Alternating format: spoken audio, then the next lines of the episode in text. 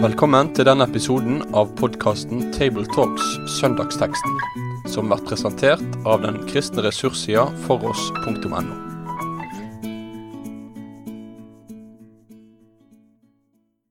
Velkommen til Tabletalks. Table Rundt bordet i dag sitter Jorunn Sjåstad, daglig leder i Bibelleseringen. Reidar Valvik, professor i Det nye testamentet ved Menighetsfakultetet. og Kristoffer Hansen Ekenes, prest i Rynberget kirke i Delk.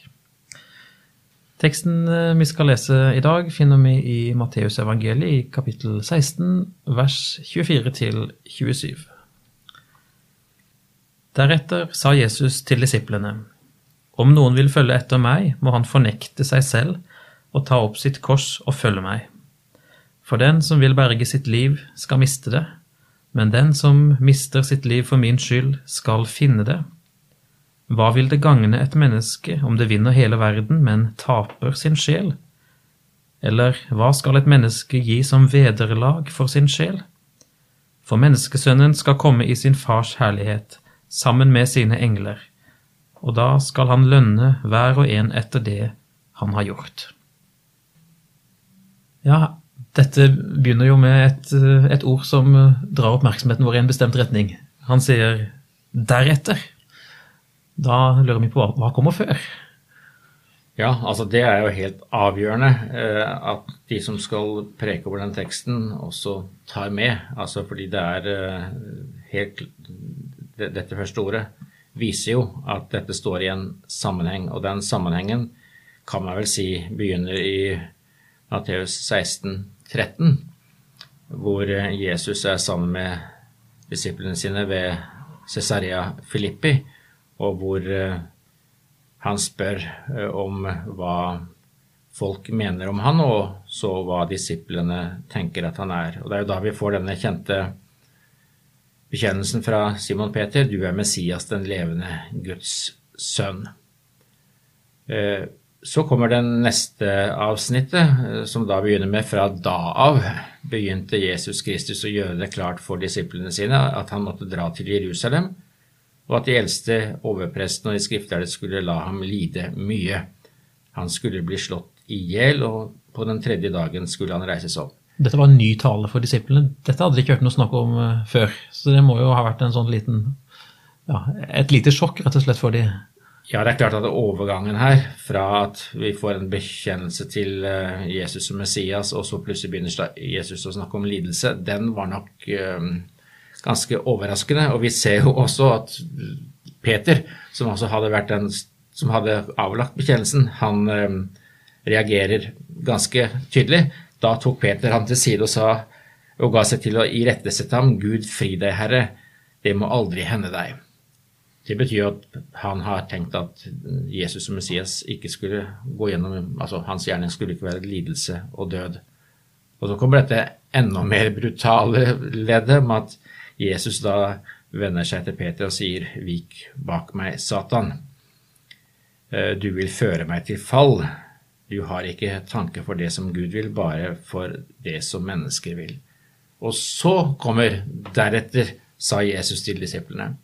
Så det er klart at her er det på bakgrunn av Jesu egen eh, gjerning og hele hans eh, tjeneste eh, at man må forstå det som da Jesus sier om å følge ham og ta opp sitt kors. At det er lidelsens og den, den vanskelige veien.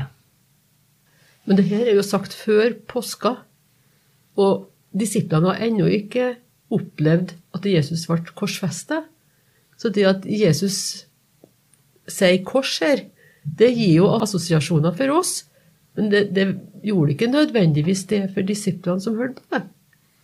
Men de forsto at her var det noe som var vanskelig, som venta. For frem til, frem til, nå så har de jo liksom vært på en bølge av spennende opplevelser med Jesus, og det har vært utdrivelser av onde ånder og helbredelser, og de har reist landet rundt. Og det har fortegner seg som rene gutteturen, hvis den skulle være litt uærbødig. I hvert fall så har det vært mye positivt som har skjedd. Så dette korssnakket må virkelig ha vekka noe nytt i de.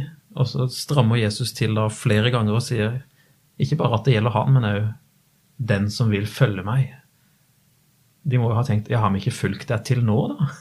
Vi har ikke gjort annet. Men så sier han altså her at jo, det har dere nok gjort, men eh, den som vil følge meg, må også Det kunne godt vært et lite 'også' der. Han må ta opp sitt kors eh, og følge meg. Så det er, det er sterke, sterke saker. Ja, og det som Jesus jo da uh, understreker, er jo at denne, dette å følge Jesus, det er snakk om kanskje i ytterste konsekvens, i hvert fall for noen, å miste sitt liv for min skyld. Det kan jo da Man kan tenke på martyriet. Og det betyr jo at for noen så vil altså det å følge Jesus bety at man går den samme lidelsens vei som han gjorde. Eh, men Jesus har jo et klart løfte om at eh, det, den som da mister det, han skal finne det. Eh, så der er det jo en, en sammenheng mellom det man ofrer og det man får i denne teksten. Vi kunne kanskje snakke om et, et slags oppbrudd i, i mer enn én en forstand, da. De har jo brutt opp fra både familie og venner noen av disse, alle egentlig. Men nå blir det jo snakk om oppbrudd fra selve livet og, og sitt eget. Man må fornekte seg selv. Det er jo et veldig sånn kraftig eh, og på en måte litt rystende uttrykk. Og hva betyr egentlig det? Å fornekte seg sjøl?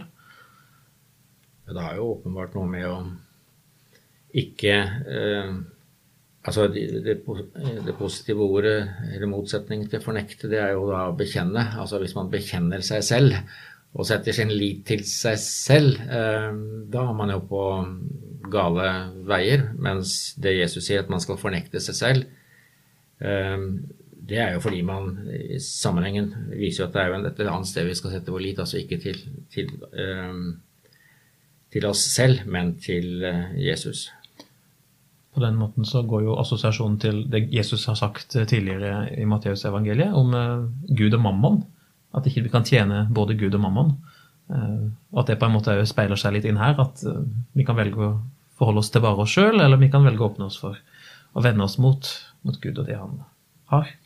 Ja, for det å miste sitt liv det betyr jo ikke nødvendigvis bare martyriet, men det de må jo òg innebære at en sier nei til noe til det som en sjøl har lyst til.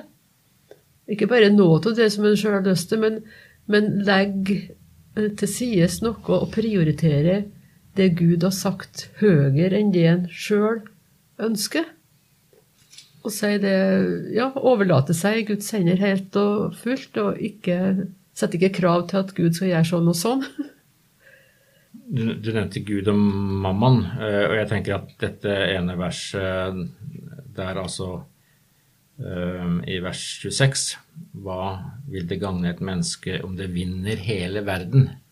Det er jo et ord som eh, også gir litt sånn assosiasjoner til den en tidligere tekst, nemlig fristelses, eh, altså Jesu fristelse, hvor jo djevelen sier til ham Det står at han ble ført opp, og, og djevelen viste ham alle verdens riker og deres herlighet.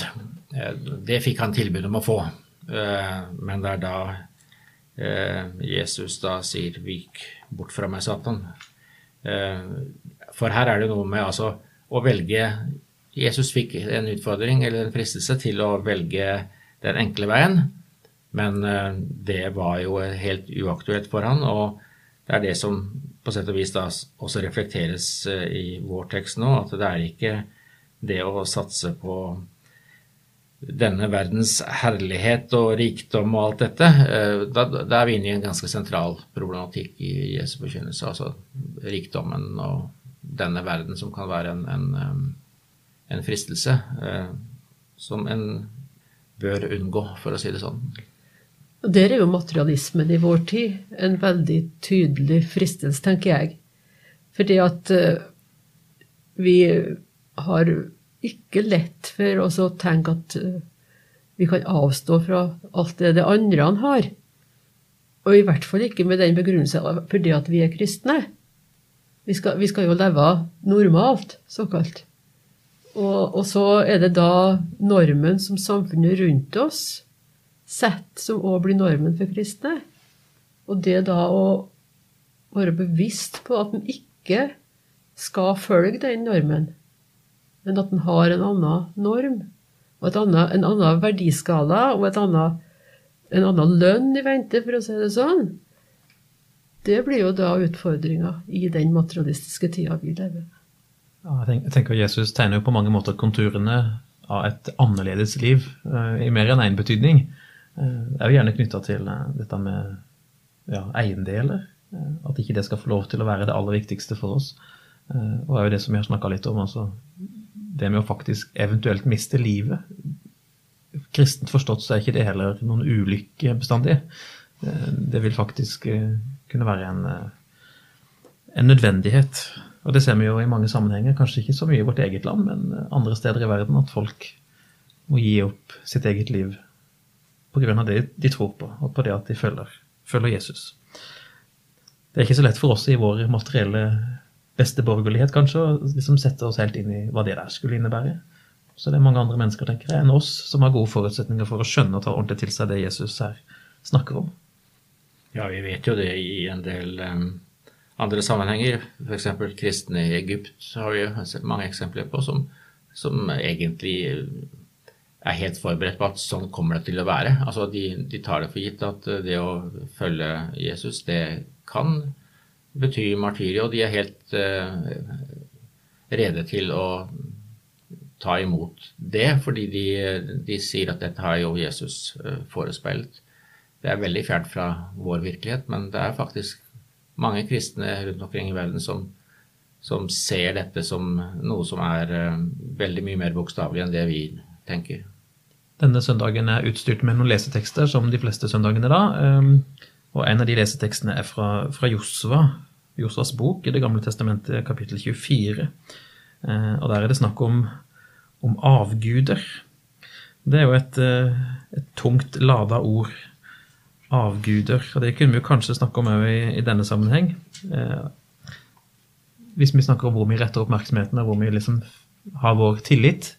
Eh, om ikke det er andre åndelige størrelser nødvendigvis, så kan det dreie seg om ting og, og eiendeler.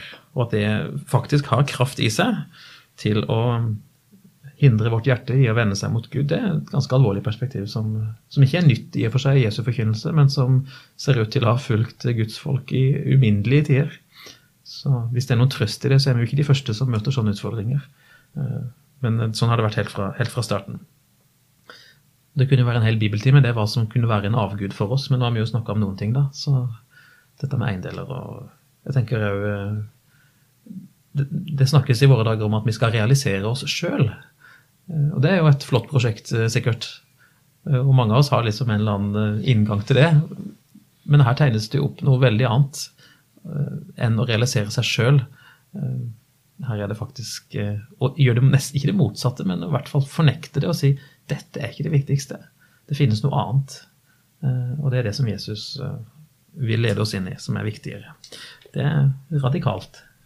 Ja, det er jo det, nettopp det der å realisere seg sjøl eller ikke realisere seg sjøl, det kan jo bli et lite problem, tenker jeg.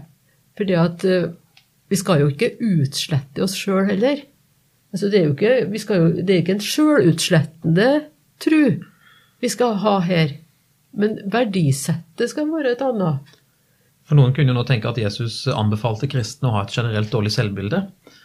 Og Sånn har det jo på en måte blitt forstått noen sammenhenger. At man skal ikke tenke for store tanker om seg sjøl og liksom trykke seg litt ned. Og det er jo egentlig ikke det han sier, så vidt jeg kan se.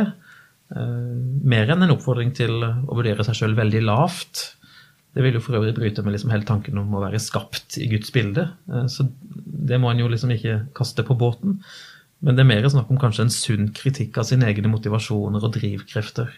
Både i kristenlivet og, og ellers, tenker jeg meg. Ja, og så er det det da å ha fått en, en ny herre i livet. At det ikke er jeg som er herre i livet mitt, og som skal realisere meg. Men jeg har fått eh, en identitet i Jesus som skal realiseres på en måte som gjør at, at eh, det er hans rike, hans sak, hans ord, som er viktig og retningsgivende for meg. Det er klart at dette her eh, blir vel kanskje stadig vanskeligere, jeg tenker, hvis man skal forkynne for unge mennesker så vil jo de leve i en eh, kultur hvor altså fokuset på nettopp dette med selvrealisering jo er så veldig sentralt. Uh, unge mennesker er liksom opptatt av sin egen uh, karriere. Man ser det f.eks. sånn i forbindelse med arbeidslivet også. Uh, man er jo ikke interessert i å være i en jobb lenge. Man er interessert i å ha mange jobber for å få en lang CV. Eh, mens trofasthet i tjeneste og sånn, som kanskje var ideal for eldre generasjoner, det er veldig borte. Jeg har hørt folk som jobber i ungdomsorganisasjoner som sier at dette er et stort problem. For det er klart, altså Hvis jeg og mitt og min karriere er det eneste som teller, eh, så vil en tekst som dette her være helt, helt fremmed og fornekte seg selv.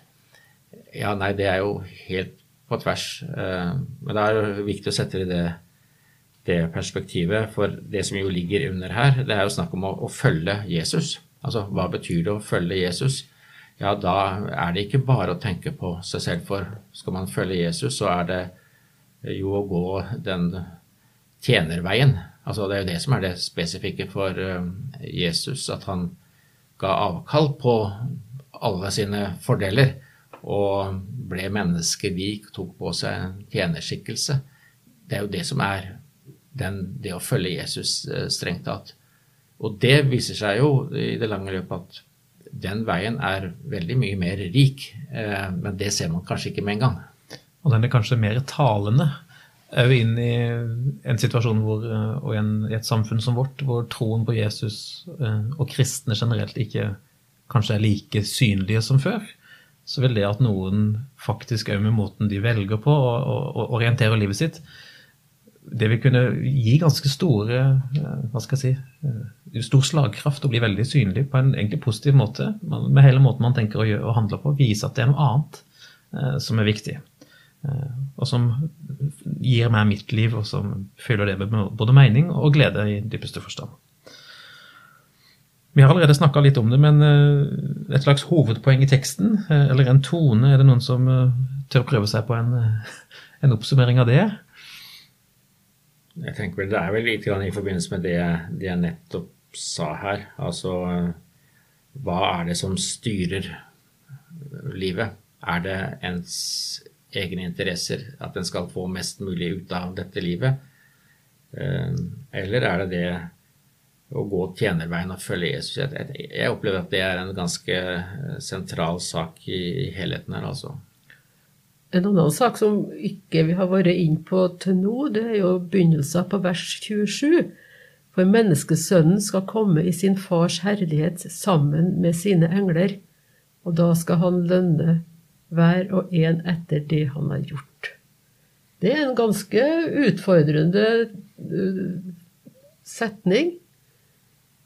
Både det der med at menneskesønnen skal komme igjen, og det at da skal lønna bli delt ut.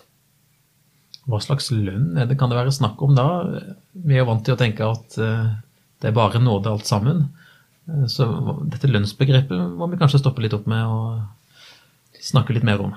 Ja, altså det som Jesus gjør her, det er jo å, å sitere fra Salme 62, 13. Eh, det er et ord som vi finner flere steder i Det nye testamentet, det der med at eh, man skal eh, få lønn.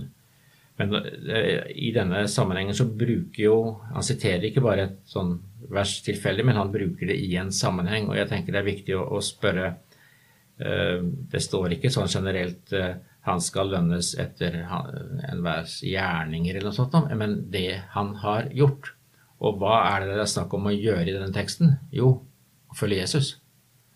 Så det som kan høres ut som en sånn veldig eh, negativ sak, eh, i denne teksten, som vi må alltid lese dette i, i, sammenheng, så er det jo spørsmålet det han har gjort. Har han fulgt Jesus, eller har han um, satset alt på sine egne ting og sine egne aksjer? Uh, det er jo det det dreier seg om, uh, tenker jeg dypest sett. Så kommer vi jo eh, hvis vi, hvis vi, hadde lest ett vers til, eh, så ville vi lest det som de fleste av oss oppfatter som en eh, naturlig sammenheng i denne teksten. Og av en eller annen grunn så skulle liksom ikke vers 28 være med. Men det er jo vanskelig å liksom stoppe helt uten å ta det med likevel. Ja, altså jeg, jeg, Da jeg leste teksten, så leste jeg hele avsnittet sånn som det er naturlig å gjøre, så jeg var ikke klar over i utgangspunktet at den, dette vers 28 eh, ikke hørte med, hvor altså Jesus sier 'Sannelig, jeg sier dere, noen av dem som står her, skal ikke smake døden før de ser menneskesønnen komme med kongsmakt'. Da melder det seg en del spørsmål. Hva menes her?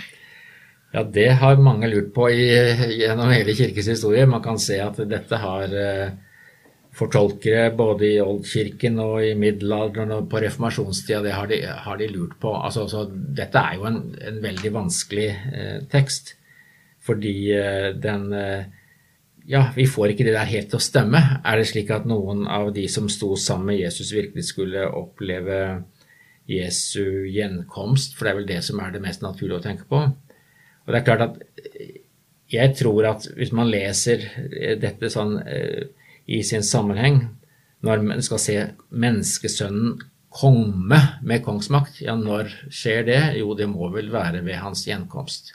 Det er den naturlige lesning. Eh, men da melder jo spørsmålet seg med en gang ja, men da tok jo Jesus feil, og Jesus tar vel ikke feil. Altså, da, da, tenker jeg at hvis vi, hvis vi tør å ta eh, Jesus ord på alvor, så kan vi godt si at eh, nei, Jesus tok ikke feil, fordi han har et annet sted sagt at han ikke vet. Altså Det er jo dette merkelige Jesus-ordet i, i Matteus 24, hvor han snakker om, om eh, nettopp den siste tid og sin gjenkomst, og hvor han sier eh, i 24.35 himmel og jord skal forgå, men mine ord skal aldri forgå deg, som liksom de store perspektivene. Men den dagen og timen kjenner ingen, ikke englene i himmelen, heller ikke Sønnen, bare Faderen. Så for meg er det slik at jeg tenker hvis vi skal ta på alvor det Jesus her sier, at han ikke vet når gjenkomsten er, han vet ikke timen for, for menneskesønnens komme, som er sammenhengen i kapittel 24, ja, da kan han altså hva si, uh, ta feil i gåseøyne i denne teksten, uten at han tar feil, fordi han, uh, han sier at han egentlig ikke vet. Uh, det virker jo som Jesus og de første kristne har, har, tenkt at gjenkomsten var mye nærmere enn det som den viste seg å, å være. Jeg opplever det som den mest naturlige lesningen av teksten, men det er mange som syns allikevel at dette er litt for radikalt å si, og derfor har prøvd seg på mange andre løsninger. Eh, noen har f.eks. knyttet det til teksten etterpå at det var i forbindelse med forklarelsen på berget at uh, menneskesønnen uh, viste seg liksom i sin kongsmakt. Ja, Jesus ble åpenbart uh, på en helt spesiell måte der, men det er jo litt merkelig når Jesus sier at noen skal ikke smake døden. Og så skjer altså denne forklarelsen seks dager etterpå. Det var vel ikke noe som regnet med at man skulle dø i løpet av noen ei uke. Så det gir ikke veldig god mening. Og også løsningen på at dette har, har sammenheng med Jesu oppstandelse og himmelfart, ja, det lå jo heller ikke langt foran. Så det gir ikke veldig god mening å liksom tenke at dette er noe som eh, skulle fange opp det Jesus der taler om. Så eh, jeg tror nok at uh, det Jesus uh, sikter til, er det som har med endetiden og, og Jesu gjenkomst å gjøre. Og det er mange som da sier at det, dette kan også ha, ha sammenheng med, med, Jerusalems fall. Men det er jo noe som Jesus i begynnelsen av kapittel 24 nettopp knytter til, til endetiden. Så eh, hvordan vi skal forstå dette i alle detaljer, eh, er ikke så enkelt, men jeg holder nå på en sånn La oss eh, ta på alvor det Jesus sier om eh, at han ikke vet, så, så kan vi egentlig slappe av i forhold til den teksten. Det er nå min løsning. Og Da forstår vi hvorfor noen har utelatt den fra prekenteksten akkurat denne søndagen. Eh, og Samtidig så skal ikke det få ta bort fokuset fra, fra de første orda fra Jesus her om kallet til et annerledes liv, å ta opp sitt kors og fornekte seg sjøl. Det blir stående som en hovedsak i alle tilfeller i denne teksten. Eh, som vi nå har snakka om.